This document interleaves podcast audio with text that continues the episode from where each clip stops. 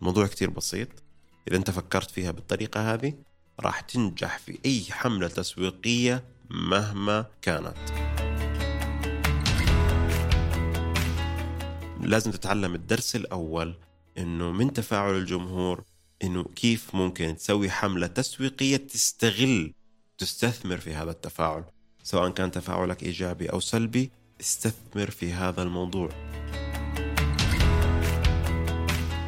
في كثير ناس لما تيجي تسوي حملة تسويقية يمكن شفناهم من بعض العملاء آه، بتلاقيه آه، طلب منك إنه يعمل حملة تسويقية بمقابل 100 دولار 200 دولار 300 دولار. وطبعا الأرقام هذه منطقية تعتمد على نوع المنتج. يعني شو نوع المنتج اللي أنت حاب تبيعه؟ وكان خلال كم يوم أنت حاب تبيع هذه المنتجات؟ وكم شخص أنت حاب توصل له؟ طبعا الأرقام هذه دائما أنا بعتبر الفيسبوك وتويتر والإنستغرام لما يجي يتكلم معنا في حملات تسويقية من خلال 10 دولار راح توصل إلى 200 ألف مستخدم أو 5000 مستخدم.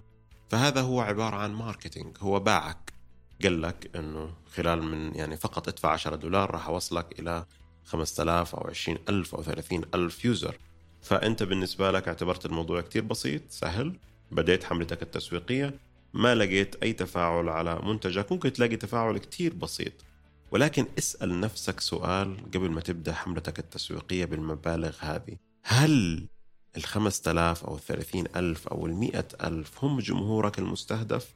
هذا الشيء لو أنت شاركت أو أنت يعني تفاعلت مع الإعلان اللي ظهر لك من الفيسبوك أو من جوجل وبتعرف تسوي حملة تسويقية فعلا ووضعت أو أضفت القيمة هي 10 دولار فقط راح تلاقي إنه القيمة ابدا لا تصل بها إلى جمهورك المستهدف. دائما في أثناء إنشاء الحملة التسويقية بنختار مين الجمهور المستهدف الناس المهتمة في هذا المنتج أو الناس القريبة من هذا المنتج وبناء عليه أنت بتحدد جمهورك المستهدف اللي حملتك التسويقية راح تبدأ تنتشر آه، بشكل أوسع وبنطاق جغرافي محدد وقتها راح تعرف إنه هذا فقط إعلان وترويج من خلال فيسبوك علشان يخليك تدفع العشرة دولار. ولكن لا تستخسر في الإعلانات. وحاب أقول لك أنه قبل لا تستخسر في الإعلانات أنه اختار أرقام تكون منطقية. أنا ما بقول لك اختار 20 ألف دولار ولا 5000 دولار.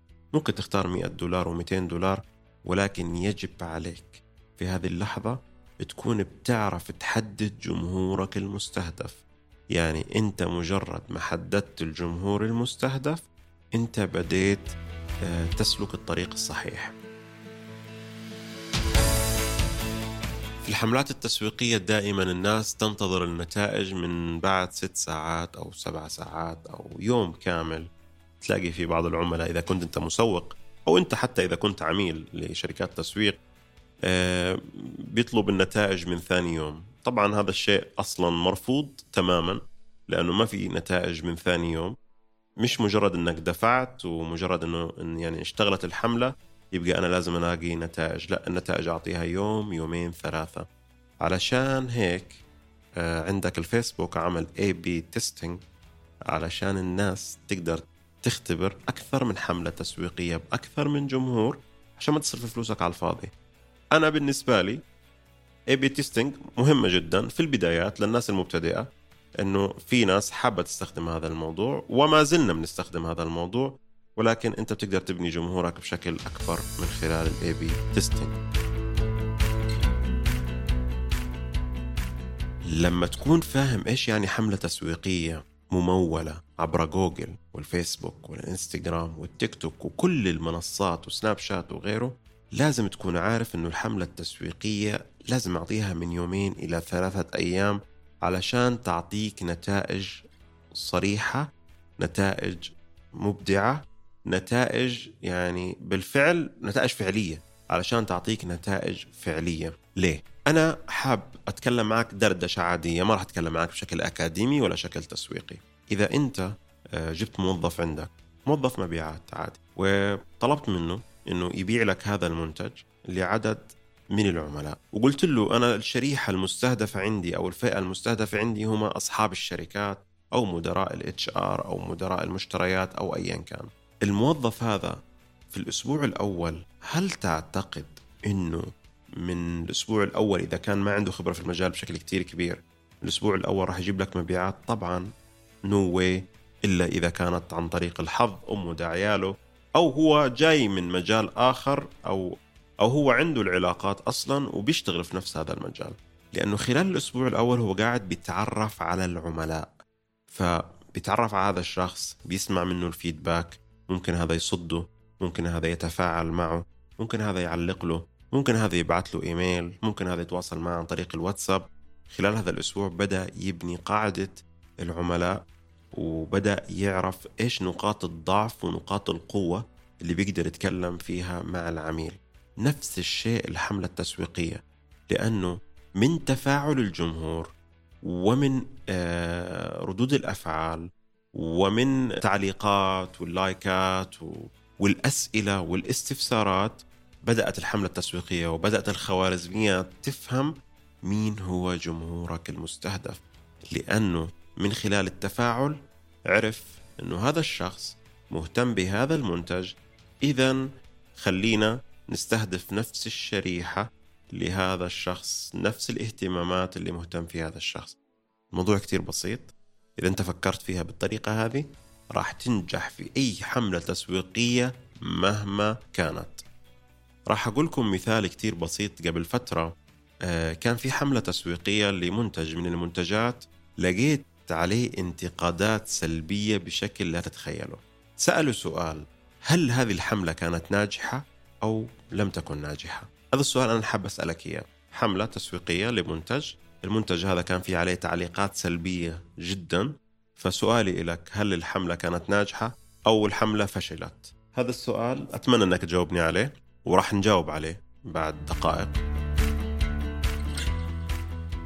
الفكرة أنه لما تحدد أنت جمهور مستهدف وتصل فيه لعدد معين من العملاء ويصير في تفاعل على الموضوع سواء كان إيجابي أو سواء كان سلبي فأنت وصلت لجمهورك المستهدف.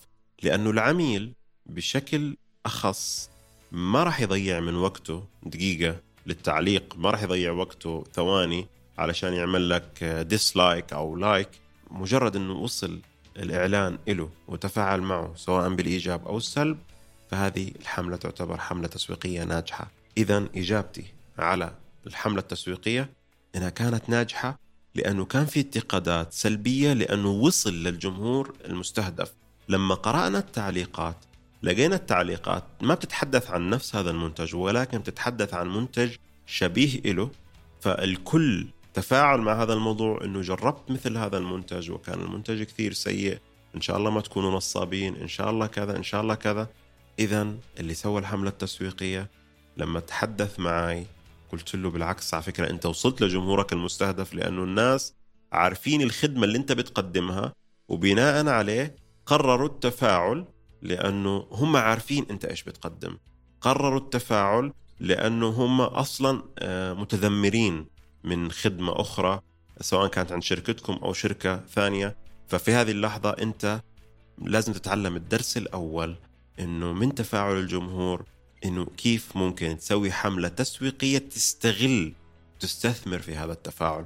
سواء كان تفاعلك إيجابي أو سلبي استثمر في هذا الموضوع. المسوق الشاطر بيقدر يستثمر في كل كلمة من عملائه سواء كانت بالإيجاب أو السلب. لو تلاحظوا أنا ركزت في البودكاست اللي أنا بتكلم فيه الآن عن موضوع اللي بالإيجاب أو بالسلب. لا تعتقد إنه إذا كانت حملتك التسويقية كان فيها سلبية بشكل كتير كبير فهي فشلت، الحملة نجحت ولكن فكرة إعلاناتك هي الفشلت، ممكن يكون أحد الإدارات اللي موجودة في شركتك هي سبب فشل هذا الإعلان، هي سبب فشل هذه الحملة، لأنه الكل متكامل، يعني ممكن الكول سنتر، الدعم الفني، تفاعل فريق العمل، تفاعل أي موظف عندك في الشركة كان ضعيف هذا الشيء أثر سلبا آه، على الحملة التسويقية. فلازم تكون عارف أنت كإدارة تسويقية كل الإدارات مترابطة مع بعضها البعض ومن خلالها بتقدر توصل لأكبر عدد من الناس.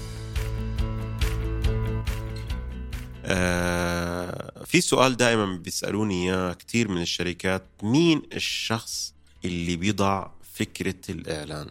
هو هذا شخص موظف اسمه creative director هذا الشخص هو المبدع هو اللي بيفكر بالأفكار سواء كان من أفكار التصاميم سواء كانت من أفكار الفيديو سواء كانت من أفكار الإعلام بشكل عام. هذه موهبة هي لا تدرس. في إلها دورات في إلها كورسات ولكن أنا بعتبرها موهبة قبل ما هي دورات وكورسات لأنه الدورات والكورسز بشكل عام هي بتزود قيمة الشيء اللي أنت بتعمله أكثر بتبلوره بشكل أفضل بتنمقه بشكل أجمل ولكن هل أنت كشخص تقدر تسوي هذا الشيء ولا لا؟ هذا اللي يعني لازم تكون عارف مين بيقدر يسوي الإعلانات.